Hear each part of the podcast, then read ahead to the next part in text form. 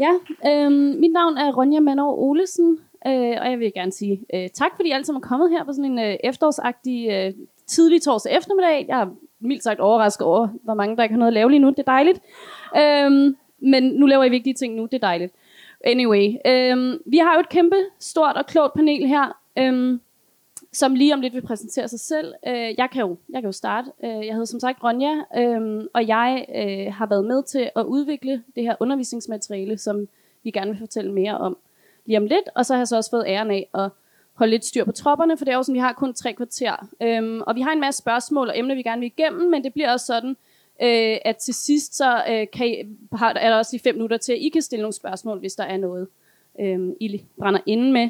Men øh, vi kan starte øh, fra en ende af øh, herover. Øh. Og hvis I bare kort siger, okay. hvad I hedder, øh, hvor I kommer fra, hvis I kommer et sted fra, øh, og hvad, hvad, jeres, hvad jeres egen eller jeres organisationsrolle har været i, øh, i det her larm for LGBT-rettigheder projekt. Øhm, hej, jeg hedder Tone, øh, og jeg plejede at være aktivist i LGBT Ungdom, LGBT Plus Ungdom. nu går jeg på den danske filmskole, hvor jeg er øh, læser fiktionsinstruktør, øh, og jeg har været instruktør og klipper øh, på, øh, på filmene. Ja. Jeg hedder Fahad Said, og jeg er medstifter og rådgiver i foreningen Sabar, der er foreningen for minoritetsetniske LGBT plus personer. Øhm, og Sabars rolle i filmen har været, og ja, vi har været konsulenter på filmen, og så har vi givet øh, ageret øh, cases til filmen også.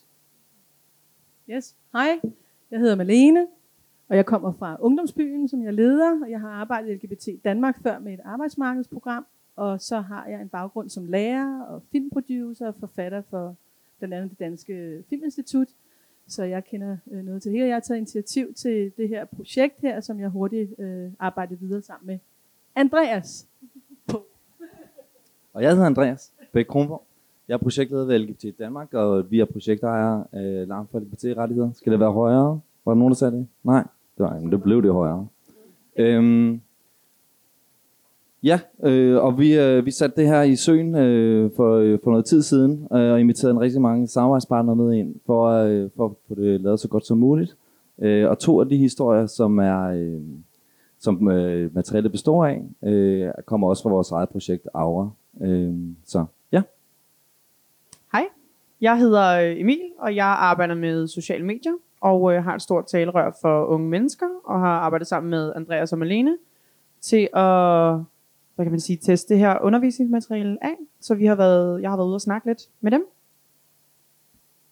Jeg kan også bare tage øh, jamen, jeg hedder Nikolaj, øh, og jeg er bestyrelsesmedlem og politisk ansvarlig i øh, LGBT plus ungdom. Øh, og jeg tænker, at min rolle måske bliver lidt udefra at sige med de unge, som vi møder, rundt i landet, hvad er det for nogle udfordringer, de har i forhold til det undervisningsmateriale, som de bliver præsenteret for, og hvordan det her måske kan gøre en forskel for den repræsentation, som de ikke oplever.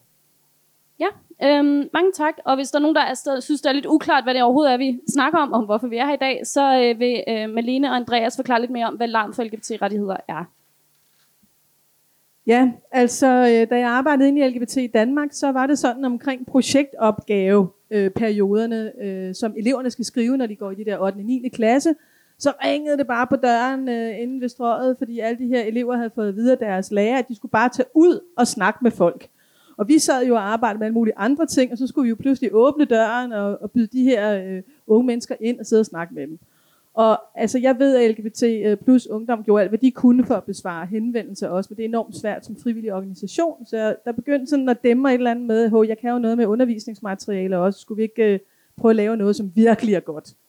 Øh, og det, det så er blevet til, det er, øh, hvad skal man sige, et kompromis mellem det mediepædagogiske, de her fortællinger om LGBT plus øh, person, og så at lærerne kan remediere med eleverne filmene til deres egne fortolkninger. Det vil sige, at eleverne kan i nogle æstetiske arbejdsprocesser bruge de film, vi giver dem, til deres egne fortolkninger, og selv prøve at blive aktivister for en dag. Så det vil sige, at de kan lave plakater og graphic novels på en medieplatform, vi har fået produceret. Det synes vi selv er mega sejt, fordi det er ikke, der er ikke så meget af det her derude på den måde.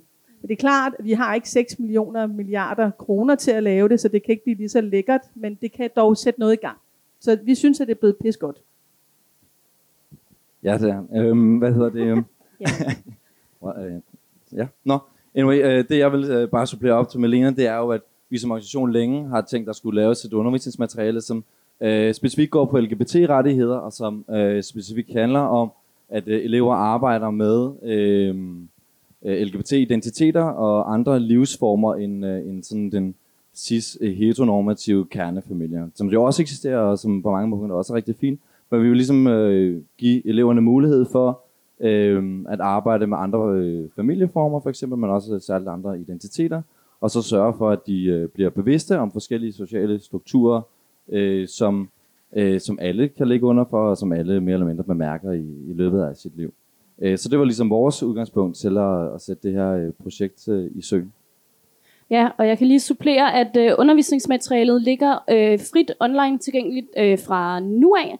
Øhm, og øh, det, er, det er jo rigtig dejligt. Øhm, det ligger inde på en hjemmeside, som hedder øh, larmlgbt.dk, øhm, og der ligger også nogle øh, folder rundt omkring. Øhm, og det henvender sig til øh, udskolingen, så 7. til 10. klasse. Yes. Og øh, der inde på den her hjemmeside ligger der, nu bliver der snakket noget om nogle film, det er fordi, du har lavet tre animationsfilm, som, øh, som hver har en, en, hvad kan man sige, en personlig historie i centrum en ung LGBT-person, der fortæller sådan, om deres egen historie, primært med øh, at gå i skole, øh, men også bare sådan at være sådan i deres eget øh, lokalsamfund, og hvordan øh, det føltes, og hvordan de ligesom er gået fra ikke at have det så godt til at, til at acceptere sig selv, og også finde nogen, der accepterer dem, kan man sige, over en bred kamp. Øhm, Øh, ja, og der ligger forskellige andre videoer inde på den her hjemmeside, øh, som man som lærer kan blive lidt bedre klædt på øh, til at bruge materialet. Yes. Hvis vi rykker videre, øh, så, øh, så kan vi sige, at der er bl- blandt andet ud over de her personlige øh, historier, de her tre film med personlige historier, så er der også en, en øh, introfilm, som lærer, øh, som ligesom klassen ser sammen, som er sådan en norm- og rettighedsfilm, som kort introducerer eleverne for, øh, hvad er normer og rettigheder, og hvordan øh, har de udviklet sig gennem tiden. Øhm, og jeg tænkte, Nikolaj, kan du sige noget om, hvorfor synes du, det er vigtigt, at der er sådan en øh, film med, øh, når man begynder at arbejde med sådan et undervisningsmateriale? Altså helt overordnet, hvis vi nu lige tager det høje blik på, så kan man se blandt andet inden for medieverdenen, så kan vi se Skam, vi kan se Love Simon, vi kan se, hvad hedder det, andre film, som jo netop sætter fokus på den her normkritik, og nogle af de ting, som man jo forsøger at skubbe ind i folkeskolen. Og derfor er det sindssygt vigtigt nu, at man faktisk tager det næste skridt og tilbyder skolerne at kunne præsentere dem for nogle normkritiske, men også nogle film, der viser, hvad er det for nogle rettigheder, man har som minoritet, både som seksuel øh, kønsidentitet, men også hudfarve øhm, og nationalitet. Og det er jo sindssygt vigtigt, at vi præsenterer unge for det.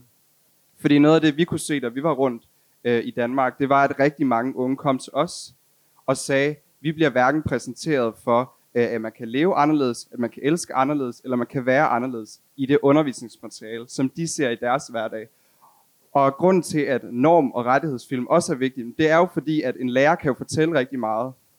Men det at se det på en film, som man jo netop gør både på sin computer eller via YouTube, det gør jo også, at man bedre kan forstå det, fordi det bliver fortalt så lavpraktisk, så selv en, måske en tredje klasse, hvis de bliver præsenteret for det, vil kunne forstå, hvilke normer og hvilke rettigheder man er underlagt, når man er minoritet. Tak. Øhm, Andreas, jeg tænkte på, om du kunne uddybe det her med, at der er blevet lavet animationsfilm, det vil sige, at det visuelle er jo ligesom øh, animeret med nogle figurer og, og alt muligt, som er sådan tegnet på en eller anden måde, og så er der en lydside, som er nogle sådan, hvad kan man sige, autentiske personlige historier fra nogle øh, anonymiserede øh, unge LGBT-personer. Hvorfor valgte I at gøre det på den måde? Jamen, vi synes, der skulle være en nerve, en, en personlig fortælling i de her film. Og samtidig så vil vi gerne tilbyde de unge mennesker, som, som jeg spurgte om, de vil deltage, at de rent faktisk også kunne være anonyme. Og der ligger flere ting i det. Dels så tænkte vi, det ville være lettere for nogen til at være med, som kunne være anonyme. Men der ligger også sådan en anden form for spejlingsmulighed i at, at, at anonymisere det og tegne det i stedet for. Der vil, vi, vores antagelse var, at der ville være flere, der ligesom kunne identificere sig med historien, øh, og ikke så meget det specifikke ansigt, man, man så fra, fra en ung, der fortalte sin historie. Så det var, øh, det var primært derfor.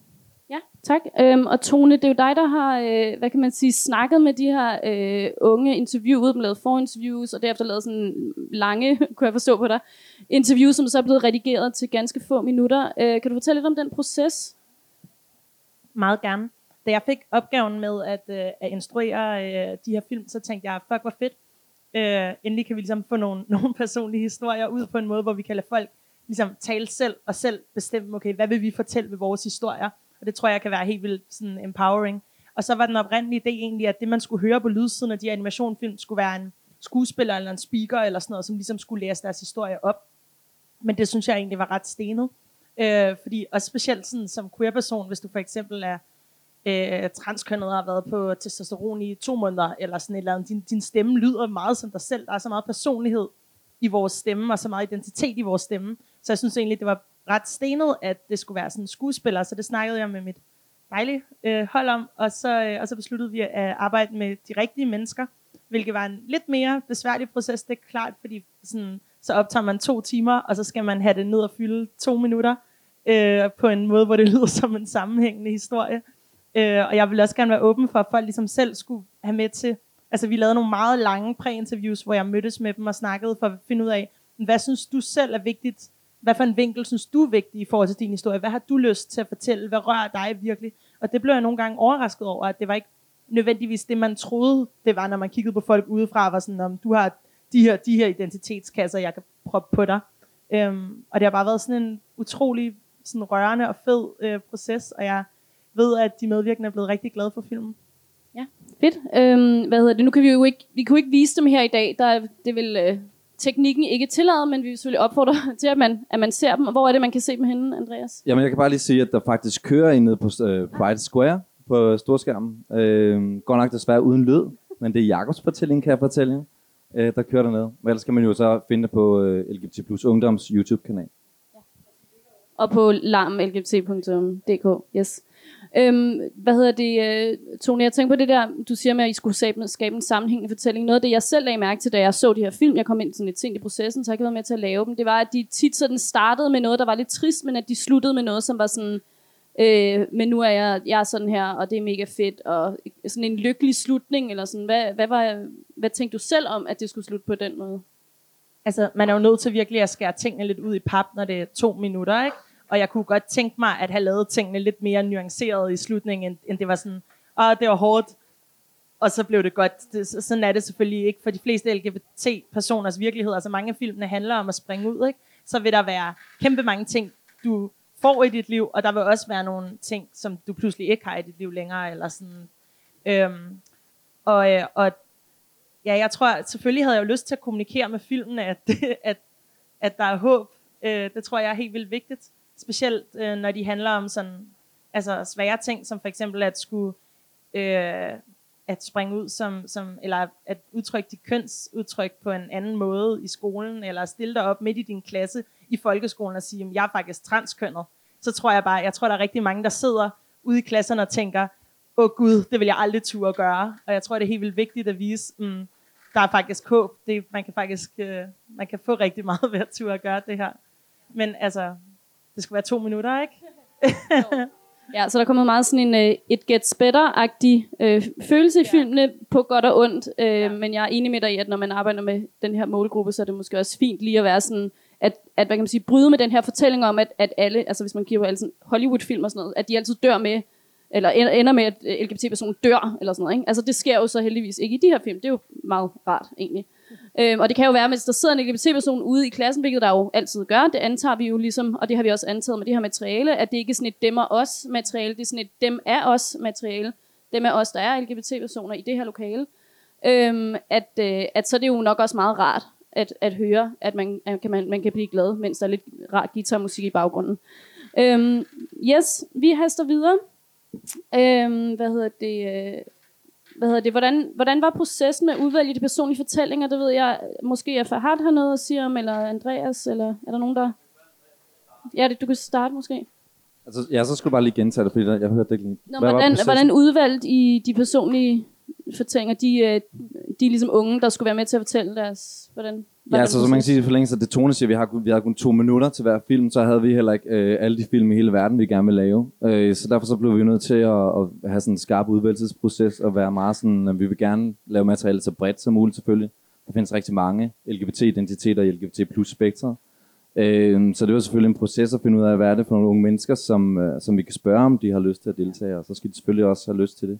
Øhm, men det var øh, som udgangspunkt bare rigtig vigtigt for os, at, at materialet, selvom vi kun havde de her tre personlige fortællinger, øh, at vi kunne lave tre personlige fortællinger, øh, at det blev så bredt som muligt, øh, og det øh, vil jeg da sige er lykkedes øh, i bedste mulige omfang, at, øh, at det er faktisk ret forskellige identiteter, der bliver præsenteret, øh, ret, for, ret mange forskellige liv, der, der er i, øh, i de her fortællinger og, og erfaringer, som de har gjort sig, og som de fortæller om i filmene. Øh, så ja, det, og, og det var særlig vigtigt for os også at have øh, et minoritetsetnisk perspektiv med, hvis jeg skal lægge over til, øh, til Fahad øh, i de her film, og særlig en af dem øh, har, har det fokus også.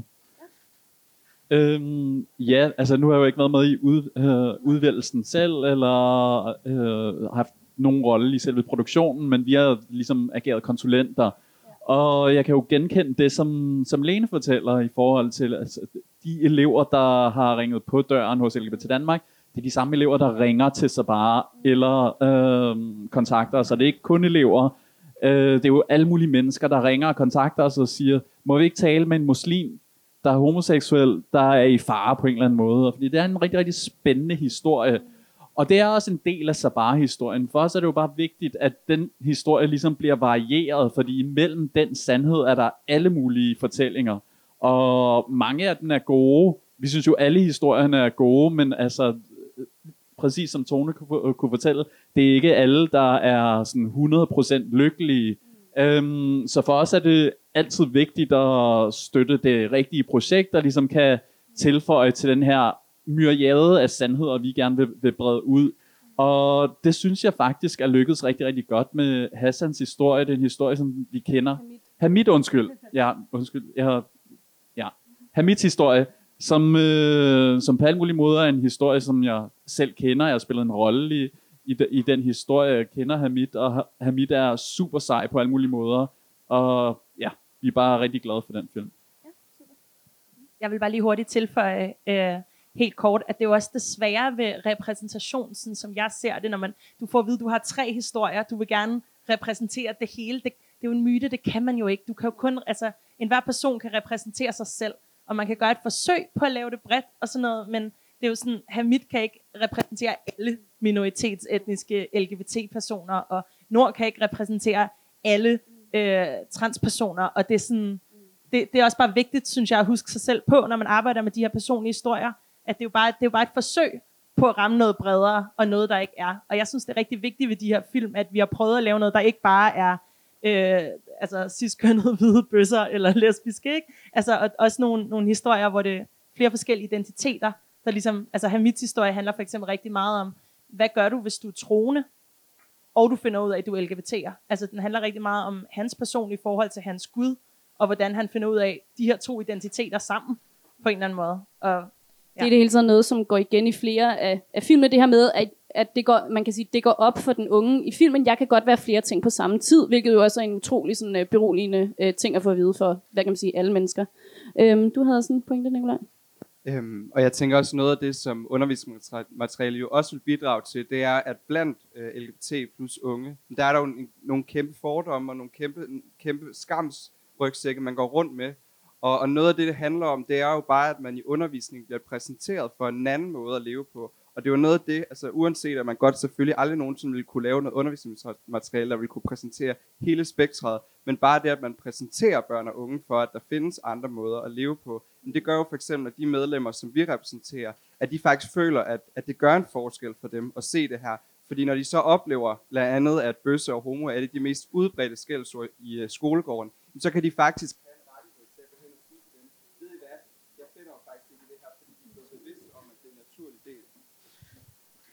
ja, at det er en naturlig del af det at være et menneske, og det ikke er noget, man skal skamme sig over. Jeg tror også, det som der er, der er unikt ved det her materiale, det er, at det er unge, der snakker til unge mennesker. Så det er ikke fordi, at det kan hurtigt godt blive en lang smør, når det er, det går ind og bliver en voksen person, som der, der lige pludselig bruger alle mulige faglige termer, som der man måske forstår halvdelen af, altså som man måske ikke forstår noget af det af. Hvor det er, det er unge mennesker, som der, der snakker med unge mennesker. Det tager ikke for lang tid, sådan så det er, at de har fokus i det mængde tid, som det er, de så ser materialet.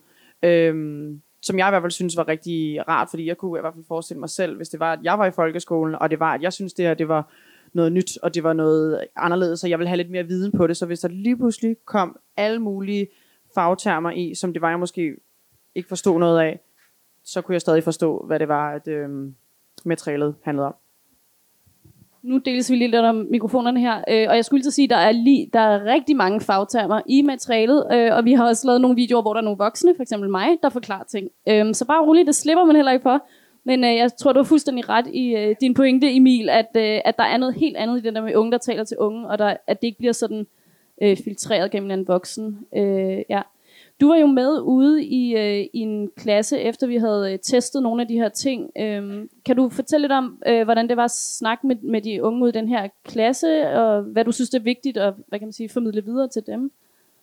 Altså, øhm, jeg havde været i kontakt med, øhm, med og Andreas i rigtig lang tid omkring, hvorfor det var, at øhm, hvorfor det var, de valgte mig til, at jeg skulle med ud øh, i sådan nogle ting, fordi at det, jeg laver på min sociale medier, det er, at jeg laver rigtig meget makeup, fordi jeg er uddannet makeup, eller ikke uddannet makeup artist. Jeg er makeup artist, som da jeg deler mine makeup tips der omkring, og så er der rigtig mange spørgsmål, jeg får omkring min kønsidentitet og seksualitet, hvor det vil jeg gerne berøre. Øh, og det valgte jeg så at tage op på min YouTube-kanal, og det skabte så rigtig meget fokus, i og med det var, jeg havde meget at sige øh, omkring inden for det. Og så øh, var vi så ude og snakke med en 7. klasse, og øh, jeg snakker lidt omkring min skoleopvækst, og øh, hvad jeg havde oplevet, og igen også lidt den der It Gets Better øh, historie, og snakke lidt omkring, hvad det er, der kan være svært, og hvad der også kan hjælpe til at komme videre, når det er, man når til det punkt. Øh, som ikke altid er let, fordi at folkeskolen kan være et rigtig hårdt sted, og der var det vigtigt for mig også at sige,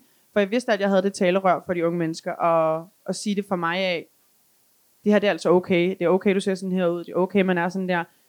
Jeg vil ønske, at jeg havde det undervisningsmateriale, da jeg var 13 år gammel. Så øhm, det var der, hvor det var, at øh, jeg synes, at det var rigtig vigtigt, at der kom en person ud, som det var, der var et forbillede for de unge mennesker. Og i og med, at jeg har det store talerør, som der jeg har, så var det min pligt, følte jeg i hvert fald, at gå ud og snakke med dem i samme højde. Tak. Øhm, hvad hedder det?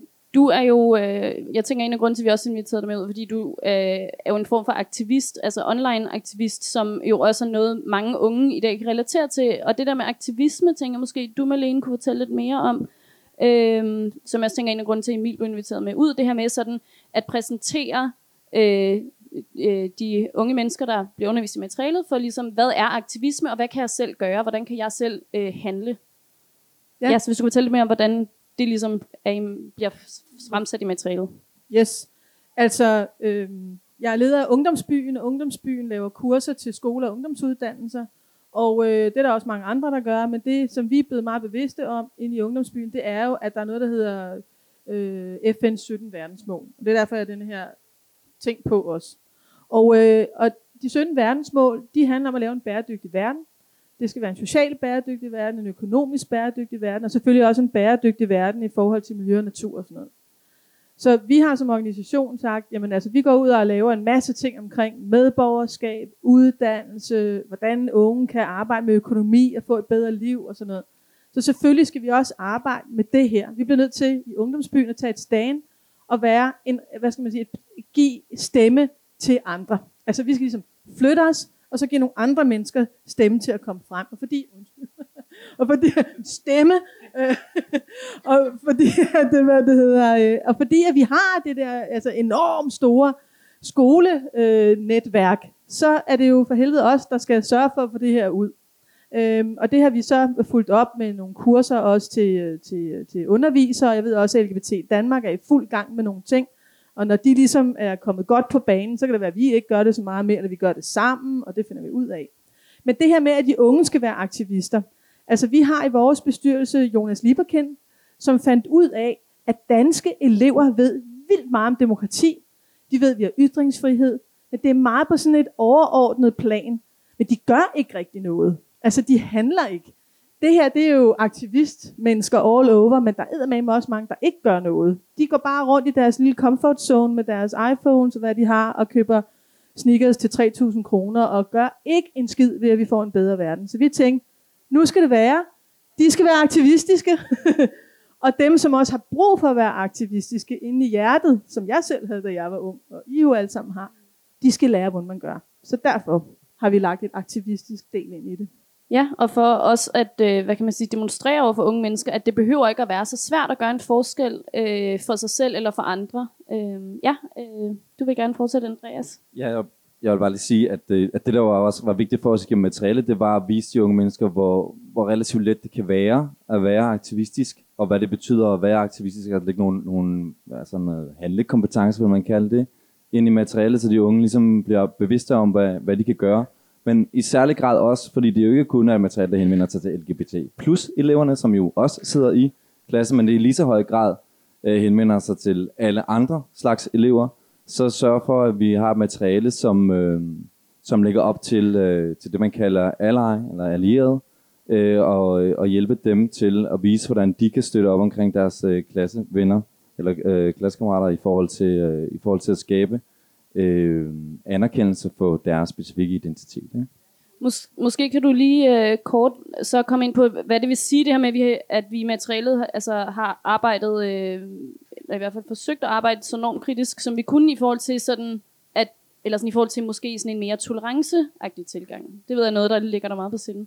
ja, altså, øh, ja, for ikke at lige gå ind og sådan begrebsanalyse øh, tolerancebegreber og, og normkritik, så handler det jo for os om at ligesom sørge for, at, at den øh, handling og, og anerkendelse, der ligger i, i normkritikken, og den bevidstgørelse, vi kan gøre over for hinanden i forhold til samfundsstrukturer, og, og som vi alle sammen kan ligge under i forhold til, hvad man er en rigtig dreng og en rigtig pige, og der kunne findes de to kategorier, så ligesom hjælpe eleverne til at, øh, at kritisk analysere det, eller i hvert fald forholde sig til, at det er, øh, at det, det, er det øh, man bliver bedt om at gøre som, øh, som ung i vores samfund. Og derfor er det heller ikke kun øh, igennem jeg sige, filmene, at de skal arbejde og analysere, men vi ligger også i materialet op til, at de begynder at kritisk analysere øh, reklamer for eksempel, eller øh, de her øh, ungdomsserier, øh, for at forholde sig til, hvad der egentlig faktisk de bliver præsenteret for.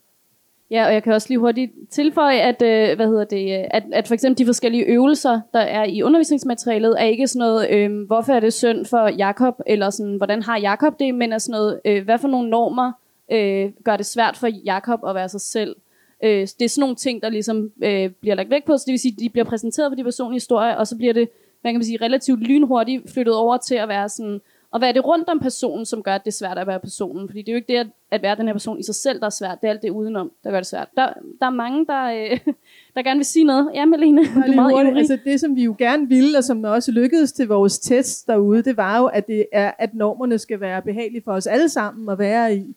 Altså, at de her kønskategorier totalt skal udfordres. Og der sad jo helt vildt mange øh, kvinder og unge kvinder og i det rum og begyndte sådan med små feministiske, altså, du ved, de havde også lige noget, de synes de skulle sige og sådan noget. Så pludselig blev det jo en pissegod diskussion omkring mange forskellige normer. Og det, det synes jeg, vi, vi har lykkedes med, så det, det er rigtig vigtigt at understrege, det er det, vi vil med den normkritik. Ikke? Jo, tak. Øhm, du havde hånden op for længe siden. Hvad det? Mig? ja, det var øh, i forhold til, ja, det var i forhold til øh, jeg jo støtte op om øh, hvad hedder det øh, den aktivistiske vinkel, øh, fordi det er jo præ- det er meget det samme vi oplever når så bare er ude og holde oplæg både i folkeskoleregi og i øh, øh, gymnasieregi og også hos fagpersoner at den normkritiske måde at tænke på, den har plantet sig hos rigtig, rigtig mange mennesker. Øhm, og der hvor at vi sådan oplever at, at vi har brug for ligesom at rykke vores egen tilgang og vores egen undervisning lidt længere, øh, øh, lidt længere fra kun at spørge om hvor mange der har set to mænd kysse på tv, fordi det har næsten alle efterhånden, så vi har, øh, altså, det giver rigtig meget mening også for os, ligesom at rykke tingene lidt videre og give unge mennesker, der ser alt muligt, har alt muligt ting ved fingerspidserne fra nettet og Netflix og alt muligt andet, og så tænker, at repræsentationen er der, men simpelthen give dem nogle redskaber i hånden til at identificere de steder, hvor vi ikke er der endnu, og hvor de selv kan spille en rolle i forhold til at skabe mere lighed eller spotte uretfærdighed, for eksempel. Ja, helt sikkert. Og øh, jeg tror, Nikolaj, du vil gerne komme med et eller andet? Jeg synes også, et af de gode initiativer i det her undervisningsmateriale, det er netop, at det sikrer, at det er både de elever, som sidder på forreste række, men det er faktisk også dem, der sidder helt nede på bagerste række, der får mulighed for at få en stemme hørt. En af øvelserne er blandt andet, hvor man ligesom skal stille sig op, uden at skulle ytre sig, men egentlig bare stille sig op og erklære sig enig eller uenig i et udsagn. Og det viser jo også, at den dem- lave demokratiske selvtillid, der er blandt unge, at den kan blive løftet på en anden måde, ikke bare ved, at man skal gå ud og råbe det til hele verden, men også i kraft af de handlinger, man foretager sig hver dag. For bare det at stille sig op og sige, at man faktisk synes, at det er okay, at en kvinde eller en mand både kan være maskulin og feminin ved at stille sig op i det klasselokale, det er også en aktivistisk handling, og det handler også om demokrati. Fordi demokrati er jo ikke et system, det er en livsform, og det er en livsform, vi skal have ind i klasselokalet. Øhm, Emil, havde du hånden oppe? eller sådan noget? Nej, okay. Yes. Øhm, jeg kigger lige, om der er et eller andet, vi, øh, vi skal have med her. Hvad hedder det? Øhm, Andreas, du har jo været med til at, øh, at lidt sammenstykke, hvem det var, der skulle være med til at lave det her. Så vi kan se, at der er også utrolig mange mennesker heroppe. Øhm, men øh, så hvorfor var det vigtigt, at det ikke hvad kan man sige, kun var for eksempel LGBT Danmark, eller kun var Ungdomsbyen, der lavede det her materiale?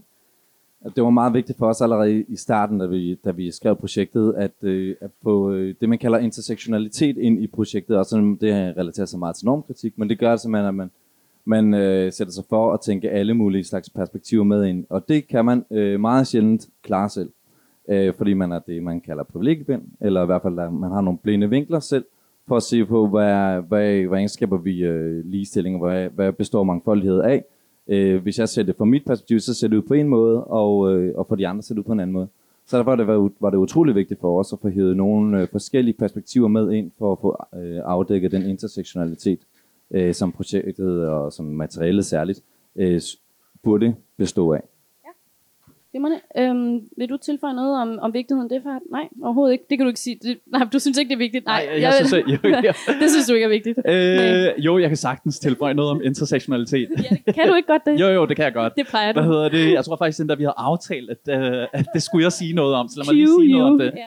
Jamen, hvad hedder det? Øh, jamen, intersektionalitet er jo et begreb, vi hurtigt kan komme til at øh, intellektualisere og gøre ekstremt kompliceret, men intersektionalitet handler præcis, som Andreas fortæller om, alle de blindheder, som, øh, ja, som resten af panelet måske vil have over for mine positioner, og mig omvendt, de blindheder, jeg vil have for, for alle mulige identitetsfaktorer, som jeg ikke selv kender. Og derfor, det, øh, derfor repræsentation og videregivelse af magt, det vil sige at inddrage folk, som har nogle andre positioner, nogle andre øjne simpelthen, for ligesom at spotte de der mellemsteder. Det er bare virkelig, virkelig vigtigt, og det er jo særligt vigtigt for, for sådan nogen som Sabah. Så Sabah kan jo tit blive betragtet som sådan en størrelse af at være dem, som det er aller, aller mest synd for. Og så, så længe vi er der, så har man sat et kryds ved, ved muslimer og minoritetsetniske og brun i huden. Men inden for Sabah har vi jo også bare en bred vifte af intersektionelle identiteter, så på den måde så kan vi også internt i Sabah være blinde for kvinders positioner, transkønnedes positioner, og, og glemme at give magten videre til, til nogen, som ikke har så magt, bare en meget magt i Sabah-regi. Så den her øvelse med at tjekke af, det er en god øvelse og en start på at være mere intersektionel, men det er bare, ja, man skal ikke glemme sin blindhed. Nej. Glimrende. Øhm, hvad hedder det, det? Jeg kan også tilføje, øh, fordi jeg også selv har været med til at lave undervisningsmaterialet og lærervejledning og sådan noget. Det er også lå os meget på sinde, at få det her formidlet, hvad kan man sige, først til læreren, sådan så læreren kunne formidle det videre. Øh, fordi at der er ikke noget værre, end at sidde og føle, at man slet ikke forstår noget, og så skal man undervise i det. Det, det vil ikke rigtig gå.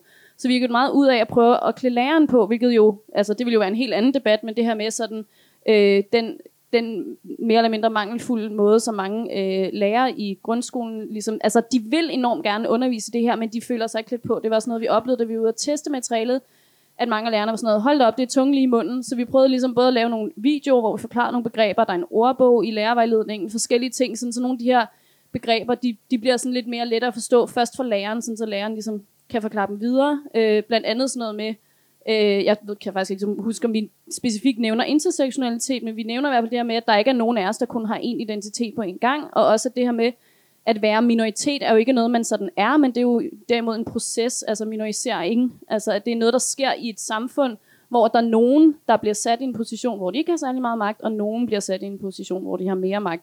Så det har vi prøvet at, at flette ind på en eller anden måde også. Øhm, hvad siger du? Ja, vi skal huske et spørgsmål. Vi er nemlig også ved at være øh, i, øh, i slutningen. Vil du sige noget, Andreas? Jamen, jeg Det tænker bare, altså for bare for at give sådan et eksempel på de her dejlige lærere, så jeg er selv lærerbarn, ikke? så jeg, jeg kender dem rimelig godt.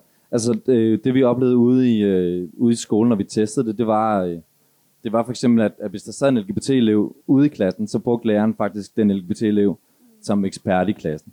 Og det var jo lå os meget på sinde i lærervejledning at dæmme op for, øh, at, at læreren kom til at gøre det, som jo umiddelbart virker øh, ganske tit forladeligt for, for en lærer, og, og måske også til, en, til stor hjælp for læreren. Men på en eller anden måde, så får man så positioneret eleven.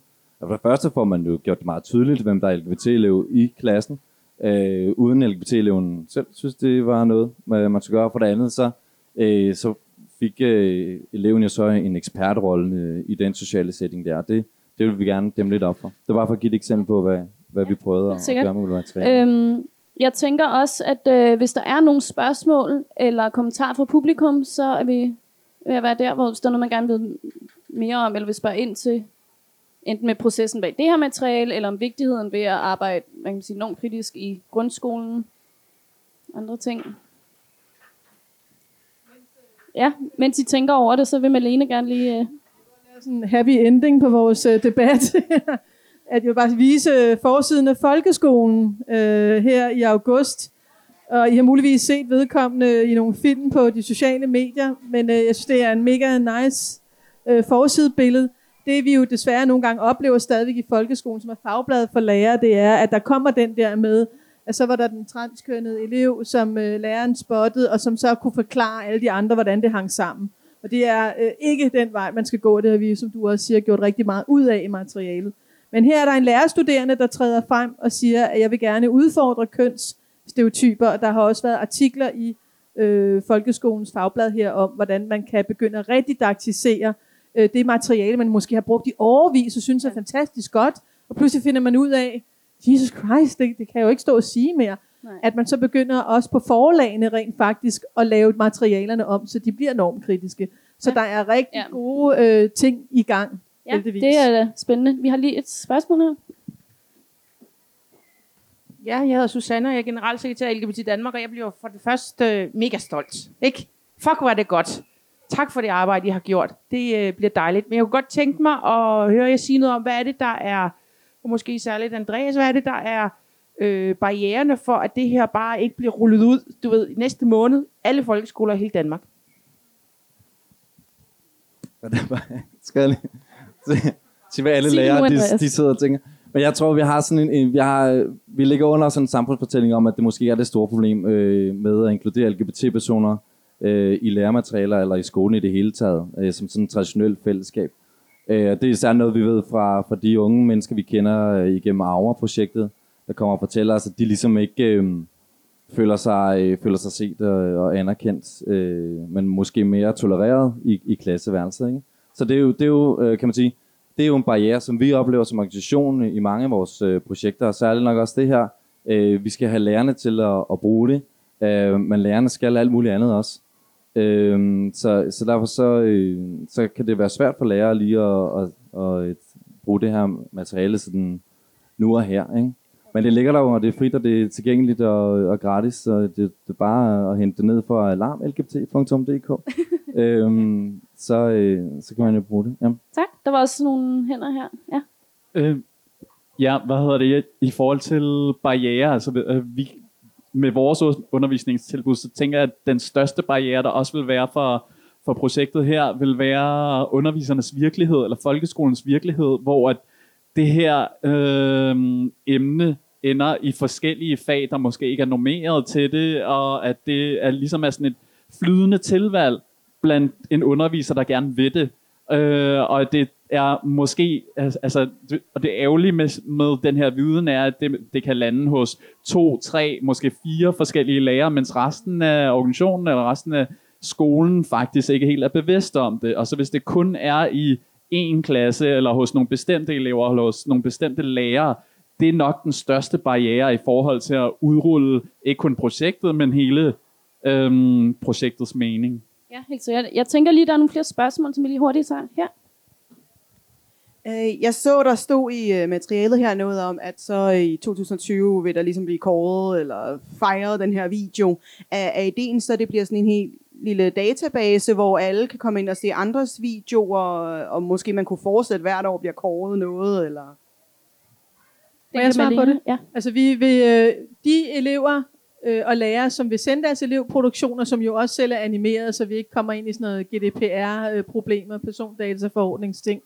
Øh, der lægger vi det op på vores sociale øh, medier, på vores hjemmesider, nogle af de film som, øh, som, og plakater, og det er jo ikke film, det er graphic novels, der bliver lavet. Ikke? Øh, jeg skal sige, at øh, undervisningsministeriet er også rigtig stolte af det her, og derfor lægger de hus til på øh, Ungdommens Folkemøde, hvor vi laver en workshop, og unge kan komme ind og prøve kræfter med det. Og vi vil jo selvfølgelig sparke dem i røven rigtig meget og sige, skal det ikke med ud på jeres medborgerskabskurser, og skal I ikke? Og fordi vi er så tæt på dem, kan vi få dem til at gøre det. Og så har vi også lavet en bargain med Buster Festivalen. De har nogle af vores ungdomsbyens oplægsholder ude på sådan en demokratipakke, og så er vi sammen, så skal I også skrive om det her i jeres blad. Og det kommer ud til 21.000 øh, trygte, I ved, på skolerne, det der Booster øh, Filmfestivalblad. Så vi prøver bare at Altså, Prøv det skal ikke bare ud. ligge på emo og putser. Det kommer ud ja. sådan, så godt vi nu kan, ikke? Ja. En meget hurtig kommentar, Andreas. Jeg vil bare lige sige også i forhold til, øh, i forhold til de her barriere, som vi kan opleve, det er jo, som vi også snakkede om lige før, at mange lærere, de, øh, de føler ikke, de har kompetencen til at kunne løfte den her slags øh, undervisningsmateriale. Og derfor er vi jo super glade for det, vi er i gang med i øh, LGBT Danmark, øh, med øh, midler fra øh, Ligestillingsministeriet, øh, at la- sammensætte et, øh, et øh, kursus, øh, opkvalificeringskursus til lærere i øh, LGBT-kompetencer, så de kan tage sig af de her problematikker, de også møder i, øh, i deres hverdag. Hej, jeg hedder Lina, og jeg er lærerstuderende. Og øh, derfor synes jeg, det kunne være mega fedt at høre, om I har overvejet at snakke med læreruddannelserne og med lærerstuderendes landskreds, fordi vi vil øh, også helt vildt gerne være med i det der... Øh, ja, ja, altså både Nord og jeg, øh, som sidder ved siden af mig, øh, hvad hedder det, har startet, vi har startet et fællesskab i lærerstuderendes landskreds, som vi kalder LLGBT, fordi vi hedder lærerstuderendes landskreds. Øhm, så og vi vil helt vildt gerne være med, altså så Øh, vi synes også, at sek- altså, seksualundervisning generelt fylder for lidt, altså og sådan noget normkritik fylder for lidt på vores uddannelse. Øh, så altså, øh, overvej, at øh, vi i hvert fald også er her, vi vil gerne være med. Det kan godt være, at vi ikke er lærere endnu, men vi bliver det i hvert fald lige om lidt. Øh, og vi vil i hvert fald også rigtig gerne være med til os længere nede end 7. klasse, som kommende indskolingslærer. Det, det lyder helt vildt rart. Jeg har Det- faktisk haft fat i jer før øh, i, i lærerstuderende. Ikke lige jer, Det- øh, to, den, der sidder øh, her, men, øh, men i de lærerstuderende, for vi vil rigtig gerne lave et samarbejde med jer. Det er selvfølgelig helt oplagt. Det kan I lige, øh, det kan I lige snakke videre, videre om. Havde du en øh, hurtig kommentar? Det var også i forhold til barriere omkring øh, sådan god LGBT plus undervisning. Så det er også, jeg er tidligere øh, sådan fra skoletjenesten, som er sådan noget, der minder om normstormerne øh, for LGBT ungdom, hvor vi var ude og undervise.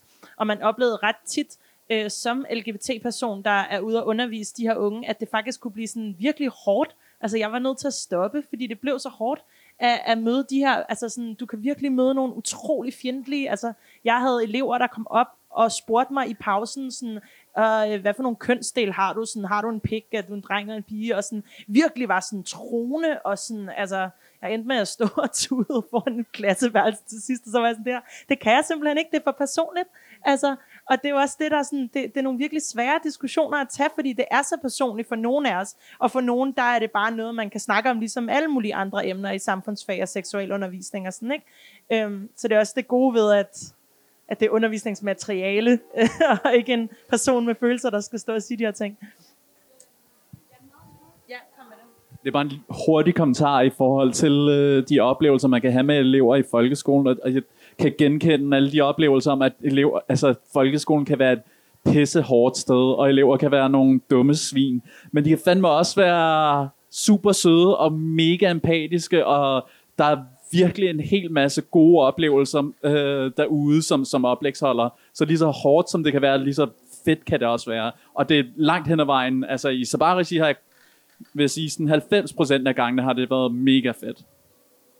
Så fik vi både det sure og det søde med her. Øhm, hvis vi lige skal have en sidste kommentar fra enten Andreas eller Melene om lige sådan øh, opsummerende, sådan, øh, hvor kan man finde materialet, hvad, øh, hvad skal man gøre, hvis man gerne vil sprede ordet om det, sådan nogle ting. Er der et eller andet sidste kommentar?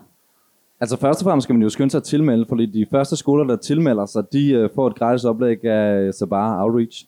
Øh, så det er bare med at, at få tilmeldt sig. Øhm, men ellers så, øh, så kører vi jo som sagt en, øh, en vinderklasse i, til maj 2020, øh, som vinder en, øh, en klassefest i alle regnbuens farver, øh, og billetter til øh, Booster har I skaffet, ja. Så, øh, så der er masser af gode incitamenter til at, øh, til at arbejde med materiale. Ikke mindst, at man får en bedre, øh, bedre skolemiljø. Ja. Men øhm, så vil jeg bare gerne sige mange tak til panelet her, og jeg vil sige mange tak til jer, der er kommet for at høre lidt mere om larm for LGBT-rettigheder. Mange tak.